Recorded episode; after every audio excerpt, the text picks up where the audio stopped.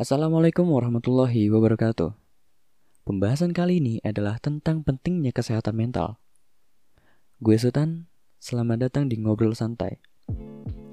Selamat mendengarkan juga buat yang lagi menjalankan aktivitas maupun yang uh, udah menuju setengah mati di atas kasur atau tidur. Pembahasan sekarang agak berat sih ya. Uh, jadi pembahasan ini di request dari salah satu teman gue. Nama IG-nya adalah @ralianisa R A L Y N I S A gitu namanya. Nah kalau misalnya lo ngelihat highlights Instagram gue, eh, di situ ada yang gue tulis mental health. Ya jadi bisa dibilang gue cukup serius sih terhadap yang namanya kesehatan mental ini. Kesehatan mental ini sebenarnya adalah salah satu hal terpenting dalam hidup yang kadang diabaikan oleh banyak orang. Kesehatan mental ini ya nggak bisa tuh yang namanya dibeli pakai uang, dibeli pakai emas, dan dibeli pakai apa pun. Pokoknya yang namanya kesehatan mental itu fix gak bisa dibeli. Nah, terus gimana nih cara biar mental kita sehat? Oke, sebelum ke sana, izinkan gue buat ngejelasin apa itu kesehatan mental, apa itu gangguan mental, kenapa ada orang yang memiliki gangguan mental, uh, apa saja gejalanya, dan apa yang harus kita lakukan jika gejala-gejala itu ada pada diri kita. Oke? Pertama, pengertian dari kesehatan mental. Pengertian dari kesehatan mental adalah terhindarnya seseorang dari gejala-gejala gangguan mental. Terus, apa sih pengertian dari gangguan mental? Gangguan mental adalah penyakit yang mempengaruhi pola pikir, emosi, dan perilaku seseorang. Ya bisa dibilang ada kesalahan dalam cara kerja otaknya sehingga ya berdampak pada yang namanya emosi dan perilaku. By the way, pengertian dari gangguan mental ini gue dapet dari alodokter.com. Ya karena kalau berbicara tentang pengertian mental gini kan gak bisa sembarangan ya Dan gak bisa diambil dari opini. Makanya sampai ada sekolah psikolog dan psikiater. Ya sebenarnya pengertian apa pun sih ya Gak boleh pakai opini. Kalau misalnya menerjemahkan sesuatu menurut opini ya Jadi banyak kan ya cowok yang berantem sama ceweknya gitu. Ribet emang cewek. Kita lanjut ke topik. Sebenarnya kenapa sih orang bisa terkena gangguan mental? Well, ada dua faktor penyebab yaitu faktor biologis dan faktor psikologis. Kita langsung masuk ke faktor biologis. Uh, faktor biologis ini sering juga disebut dengan yang namanya gangguan mental organik. Ini udah gue tulis juga uh, beberapa penyebab. Uh, kalau gue tulis beberapa artinya masih banyak ya. Cuma ini beberapa aja. Beberapa penyebab dalam faktor biologis. Yang pertama, gangguan pada fungsi sel saraf di otak. Kayak yang gue bilang tadi, Cara kerja otak yang salah itu bisa menyebabkan seseorang terkena gangguan mental. Jadi ya gitulah. Terus yang kedua, kelainan bawaan atau cedera pada otak. Ketiga, kerusakan otak akibat terbentur atau kecelakaan. Keempat, kekurangan oksigen pada otak bayi saat proses persalinan. Jadi poin 1, 2, 3, 4 ini menjurus ke kinerja otak ya. Terus yang kelima, memiliki orang tua atau keluarga penderita gangguan mental. Kalau ini lebih ke faktor genetik keturunan ya. Terus yang keenam, penyalahgunaan nafza dalam jangka panjang. Nafza ini adalah narkotika, psikotropika, dan zat adiktif ya. Terus yang ketujuh, kekurangan nutrisi. Sekarang kita masuk ke faktor psikologis. Biasanya, penyebab faktor psikologis ini mengerucut ke yang namanya pengalaman-pengalaman hidup yang bisa dibilang kurang mengenakan gitu ya. Ini udah gue tulis juga beberapa penyebab dalam faktor psikologis. Yang pertama, peristiwa traumatik. Jadi kayak peristiwa uh, suatu kejadian yang bikin kita trauma gitu ya. Contoh, kekerasan dan pelecehan seksual. Nah makanya jangan sekali-kali nganggap sepele masalah kayak gini. Kalau misalnya lu ngeliat temen lu, khususnya temen cewek lu, terkena sama uh, yang namanya pelecehan kayak gini, lu berhak buat ngelaporin ke pihak berwajib. Karena ya emang ini bukan masalah yang sepele gitu ya. Bahkan kemarin gue denger cerita temen gue yang pernah istilahnya dapet perlakuan yang bisa dibilang kurang sopan dari gurunya sendiri. Dan kalau lu kena yang kayak gini, sumpah gue nggak bohong, lu harus laporin ke orang tua lu dan ke pihak berwajib. Dan kejadian kayak gini kan juga bisa bikin seorang trauma kan ya. Jadi kayak nggak percaya sama orang lain lagi gitu kan ya. Terus yang kedua, kehilangan orang tua di masa kecil. Uh, kita tumbuh sampai sekarang itu kan berkat didikan orang tua kita ya kalau misalnya maaf, orang tua kita udah gak ada sejak kita kecil. Siapa yang mau ngedidik kita? Ya gak? Ya mungkin ada paman atau bibi kita. Tapi yang namanya intuisi orang tua itu kan pasti beda kan ya?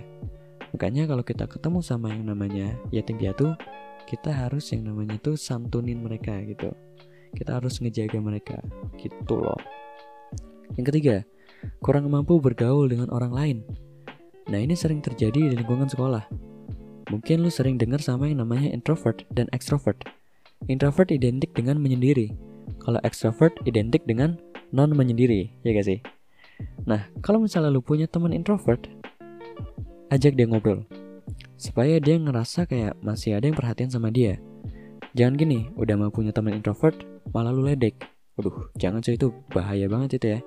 Jangan sampai. Terus yang keempat, perceraian atau ditinggal mati oleh pasangan. Nah, kalau ini bisa menuju ke yang namanya bunuh diri. Ini bahaya berat. Beneran bahaya berat ini. Lo sering kan ya lihat di berita tentang kejadian bunuh diri yang diakibatkan oleh perceraian dan ditinggal mati oleh pasangan.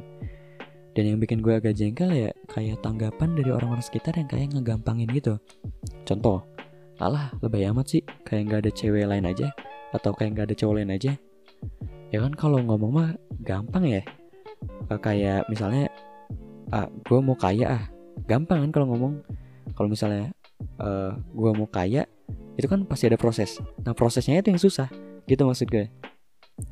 Jadi kalau misalnya lu punya temen yang habis eh, istilahnya putus lah ya terus dia kayak menyendiri gitu jangan pernah lu ledek. Udah secepatnya lu ajak ngobrol. Tapi topiknya jangan yang kayak Allah lebay amat lu kayak gak ada cewek lain aja. Buset udah gila kali lo ya perlahan aja sambil ngobrol uh, kita ajak dia ke uh, jalan yang benar lagi. Kita sadarkan dia dari keterpurukan gitu ya. Yang kelima perasaan rendah diri tidak mampu marah atau kesepian. Nah kalau gini bisa mengerucut ke yang namanya antisosial. Dan tau lah ya antisosial ini kayak bakal lebih sering menyendiri. Dan ternyata nih ya dari dia sering menyendiri, itu bisa menyebabkan yang namanya skizofrenia. Skizofrenia ini artinya gangguan jiwa yang ditandai dengan gangguan proses berpikir dan tanggapan emosi yang lemah. Nah, karena penderita uh, skizofrenia ini sering menyendiri gitu ya, jadi dia terserang sama yang namanya halusinasi. Penderita ini sering mendengar suara lain di telinganya yang sebenarnya ya nggak ada siapa pun di sana gitu. Ini bukan menjurus ke mistis ya, ini murni dari gangguan mentalnya. Makanya jangan bingung kalau misalnya lu ngelihat orang yang terkena gangguan mental di pinggir jalan itu kayak ngomong sendiri. Karena ya memang mereka mendengar suara dari halusinasi mereka sendiri. Terus poin keenam, banyak pikiran. Wah kalau ini pasti sering ya kita alamin ya. Sebenarnya boleh aja sih banyak pikiran, tapi jangan terlalu dipikirin lah ya. Nanti jadi stres. Contoh kecilnya, karena gue masih sekolah, jadi gue ngambil contoh sekolah ya di sekolah ini kadang suka dikasih banyak tugas terus kepikiran ya kayak atau enggak nilai ulangan kita jelek terus kepikiran nah nilai jelek yang ada di kertas lu itu bukan penentu masa depan lu yang gak usah terlalu dipikirin lah ya karena ya yang nanti bakal ditanya waktu interview itu kan ya lu bisa apa? Bukan nilai X tambah Y kuadrat dikali akar 9 berapa? Ya udah gila kali interview kerja gitu ya. Ya tapi jangan bego-bego banget sih maksud gue. Ya belajar mah belajar aja. Jangan sampai di bawah KKM nah kita udah ngebahas sedikit tentang penyebabnya. Sekarang kita ngebahas ciri-ciri umum dari penyakit mental. Yang pertama halusinasi yaitu sensasi ketika seorang melihat mendengar atau merasakan sesuatu yang sebenarnya tidak nyata ini yang kata gue kayak di skizofrenia tadi ya Terus yang kedua, suasana hati yang berubah-ubah dalam periode-periode tertentu. Yang ketiga, perasaan sedih yang berlangsung hingga berminggu-minggu, bahkan berbulan-bulan. Lebih bahayanya lagi, kalau misalnya uh, kita nggak tahu nih penyebab kita sedih itu kenapa. Ini bahaya. Terus keempat, perasaan cemas dan takut yang berlebihan dan terus-menerus sampai mengganggu aktivitas sehari-hari. Nah, dalam kelainan mental ini ada yang namanya anxiety disorder. Ini gangguan kecemasan. Dan gejala yang gue sebutin tadi nih di poin keempat itu bisa menjurus ke yang namanya anxiety disorder. Terus kelima, gangguan makan, misalnya merasa takut berat badan bertambah, terus cenderung memutahkan makanan atau makan dalam yang dalam yang dalam porsi yang banyak gitu ya. Terus keenam, perubahan pada pola tidur, seperti gampang ngantuk, terus tidur aja, atau enggak uh, susah tidur, atau gangguan pernafasan dan kaki gelisah saat tidur. Ini juga bisa jadi gejalanya. Terus ketujuh, kecanduan nikotin dan alkohol serta penyalahgunaan narkotika, psikotropika, dan zat adiktif. Kedelapan, marah berlebihan sampai mengamuk dan melakukan tindakan kekerasan. Nah, ini bahaya banget ya. Terus kesembilan, perilaku yang tidak wajar kayak teriak-teriak gak jelas lah atau ngomong dan ketawa sendiri terus parahnya kayak keluar rumah telanjang bulat gitu. Ini bukan lelucon ya ini seriusan gitu. Nah kalau misalnya lu punya gejala-gejala kayak gitu langsung ke psikiater. Kalau misalnya lu bilang mahal kesehatan mental kita lebih mahal. Gak usah malu ke dokter jiwa. Ya dokter jiwa itu bukan buat orang gila. Lagian gak ada sih dunia ini yang gila menurut gue. Uh, mereka cuma butuh teman ngobrol sih tapi ya jangan ya lu langsung samperin orang yang terkena gangguan mental di pinggir jalan terus lu ajak ngobrol gitu. Wah udah gila lu. Bisa kena gampar lu. Terus stop sama yang namanya self diagnosis uh, jadi kayak mendia mendiagnosa dirinya sendiri. Karena gini buat apa ada orang yang sekolah mahal-mahal buat belajar jadi psikolog atau psikiater kalau penyakit mental itu bisa didiagnosis sendiri. Ya gak sih? Nah malah zaman sekarang tuh kayak sering gini gak sih eh aku punya bipolar loh. Aku punya ini loh punya itu loh.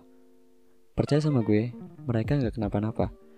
Karena orang yang punya gangguan mental itu sebenarnya susah buat ngobrol sama orang lain gitu. Nah terus gimana nih caranya supaya nggak terkena gangguan mental? Ini pertanyaan di awal tadi ya. Ya sebelum lu terkena yang pasti gue ngajak uh, lu semua buat memperbaiki hubungan kita dengan pencipta kita. Karena itu salah satu cara yang paling efektif uh, terus lu jangan pernah ngurung diri. Atau enggak uh, misalnya gini tiap minggu pagi gitu ya lu kayak olahraga kecil gitu atau keluar rumah duduk di luar terus ngehirup udara segar. Dan ada poin yang harus diperhatikan lu nggak boleh bawa HP oke? Okay? uh, eh, mungkin mau coba cara itu ya silahkan. Nah kan itu kalau belum kena ya. Tapi kalau misalnya ada teman-teman ngobrol santai yang udah terkena yang pertama gue saranin ya jangan capek buat konsultasi. Terus ajak ngobrol orang-orang di sekitar lu. Jangan sekalian buat nyapa gitu ya. Say hi aja gitu. Ya kalau misalnya lu malu lu boleh deh DM gue. Gue bakal jadi temen ngobrol lu. Serius lu boleh curhat tentang apa aja. Ya mungkin cukup sekian dari gue. Uh, gue Sultan pamit undur diri. Oh ya sedikit ada quotes dari gue. Kesehatan fisik gak ada gunanya kalau kesehatan mental gak ada di belakangnya asik Terima kasih. Wassalamualaikum warahmatullahi wabarakatuh.